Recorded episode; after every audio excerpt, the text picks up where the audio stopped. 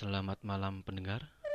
Berjumpa kembali bersama saya Aswin di podcast Horror FM.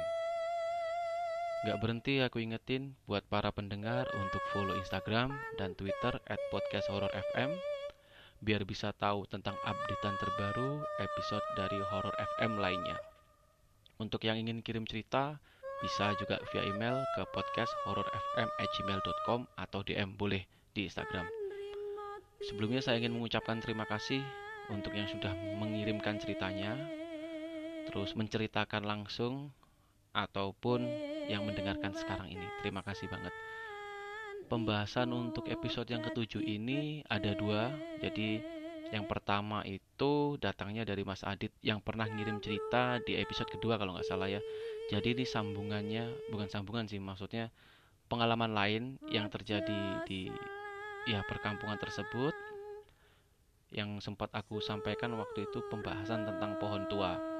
Nah, di episode ketujuh ini untuk cerita pertama tentang pohon tua tersebut dan cerita yang kedua tentang pengalaman pribadi saya. Jadi monggo didengarkan sampai habis biar gak penasaran. Tanpa berlama-lama lagi, episode ketujuh, Pohon Tua. Dan selamat mendengarkan.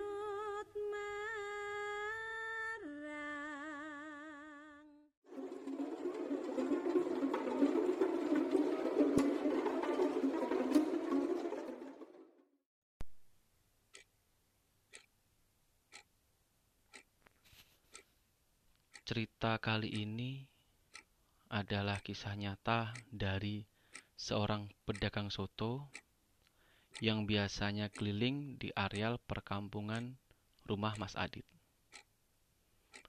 Kebetulan pedagang soto ini juga bukan asli daerah situ ya, hmm, beda bisa dibilang beda kecamatan. Biasanya kan kalau keliling nggak hanya di satu kampung, uh, nggak di satu perkampungan, jadi pindah-pindah.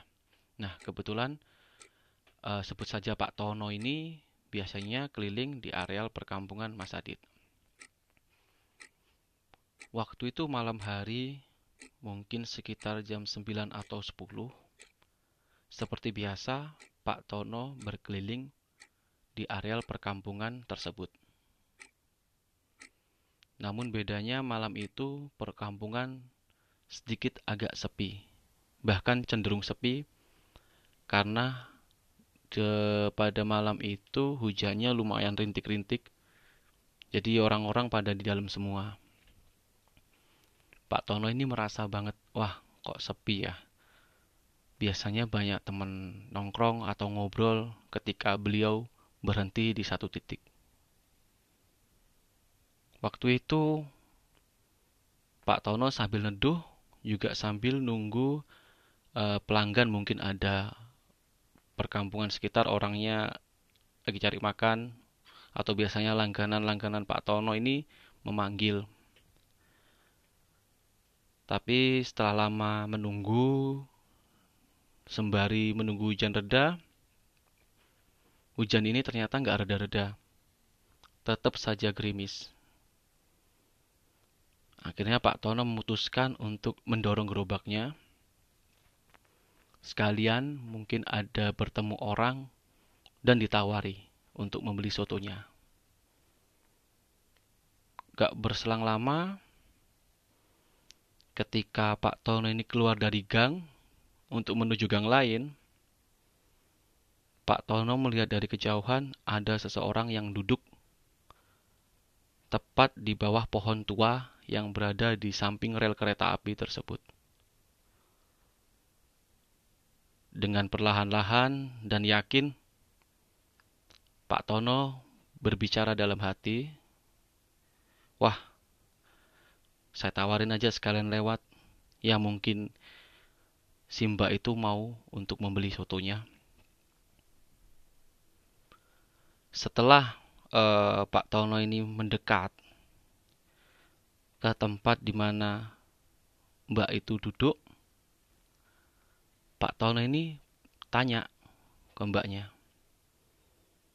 Ya waktu itu Pak Tono belum berpikiran negatif ya, karena ya karena Pak Tono memang tujuannya untuk nyari rezeki, jadi ya dianggapnya memang orang dan uh, niatnya nawarin gitu. Pak Tono tanya waktu itu Mbak kok duduk di sini toh? Kan ini gerimis gelap juga. Nah si mbak ini itu bilang waktu itu membalas ucapan Pak Tono dan menjawab, "Iya, aku suka di sini." Lalu Pak Tono nggak berpikir panjang, cuman, "Oh, iya, gitu toh mbak. Nggak sekalian beli soto saya," kata Pak Tono. Lalu mbak ini menjawab juga, "Oh iya pak, mau. Bikinin satu ya." Lalu bergagaslah Pak Tono waktu itu langsung kembali ke gerobaknya dan menyediakan semangkuk soto. Gak berselang lama dari Pak Tono ini menyediakan satu porsi soto, Pak Tono dikejutkan. Waktu Pak Tono hampir hendak untuk mengambil mangkok dan memberikannya, Pak Tono ini kaget. Dan ternyata Mbak tadi sudah berdiri tepat di samping kirinya. Jarak 60 cm dengan muka yang rata. Pak Tono lari kencang, melempar mangkuknya, dan berusaha untuk tidak melihat ke belakang. Pak Tono tunggang langgang. Beliau meninggalkan rombong sampai besok pagi menjelang. Dan akhirnya waktu rombong itu besok paginya diambil, Pak Tono bercerita tentang pengalaman yang dialami semalam. Ya karena mungkin eh, warga-warga juga sekitar sudah tahu kalau Pak Tono uh, berdagang soto dan pasti tahulah ciri khas uh, gerobaknya gitu berceritalah waktu itu dan ya dengan sedikit ketakutan dan trauma Pak Tono akhirnya mengambil kembali gerobaknya. Sesaat dari itu ceritanya mulai gempar lagi. Ya, cukup menakutkan sih. Tiba-tiba ada di samping dan dengan muka rata. Shock pasti. Kurang lebih seperti itu ceritanya. Sekian untuk episode pohon tua. Oh, kalau misalkan ya jangan sampai lah ya. Waduh, nggak tahu lah itu ya. Gimana yang yang dirasain Pak Tono deg-degannya. Aduh, nggak habis pikir. Jangan sampai lah ya pokoknya. Terima kasih untuk mendengarkan uh, sudah mendengarkan episode ketujuh pohon tua. Setelah ini saya akan langsung menceritakan tentang pengalaman pribadi saya yang ada di rumah. Ya lagi-lagi yang yang saya pakai untuk rekaman ini, uh, untuk ngerekord podcast ini ya di rumah saya. Oke, tanpa perlu berlama-lama, langsung saja masuk ke episode pengalaman pengalaman pribadi saya. Selamat mendengarkan.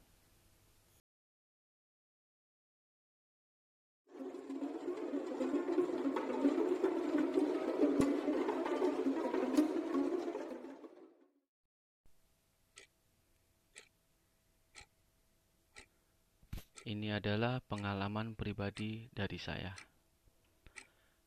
Entah kenapa kalau menceritakan tentang pengalaman pribadi saya uh, rasanya saya seperti lemes uh, kehabisan energi ya. Mungkin karena ya mau nggak mau ketika cerita saya sedikit flashback. Ya jangan sampai lagi lah. Dan kebetulan untuk cerita kali ini saya nggak nyebutin sosoknya ya. Saya takut soalnya. Oke, jadi awalnya itu di siang hari, kalau nggak salah ya siang hari itu aku mengikuti uh, prosesi pemakaman. Itu siang harinya. Setelah itu sore berselang ya seperti biasa, aktivitas seperti biasanya, sampai akhirnya malam hari itu datang waktu uh, malam hari datang ya saya tidak ada pikiran negatif atau apa ya. Ya saya tertidur seperti biasanya waktu itu. Tapi ada yang aneh ketika saya terlelap tidur. Waktu saya tidur itu saya mimpi bisa dibilang mimpi buruk.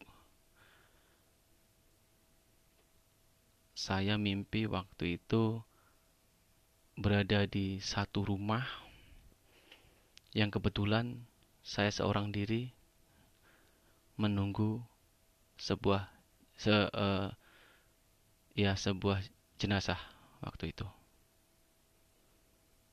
Saya benar-benar takut banget.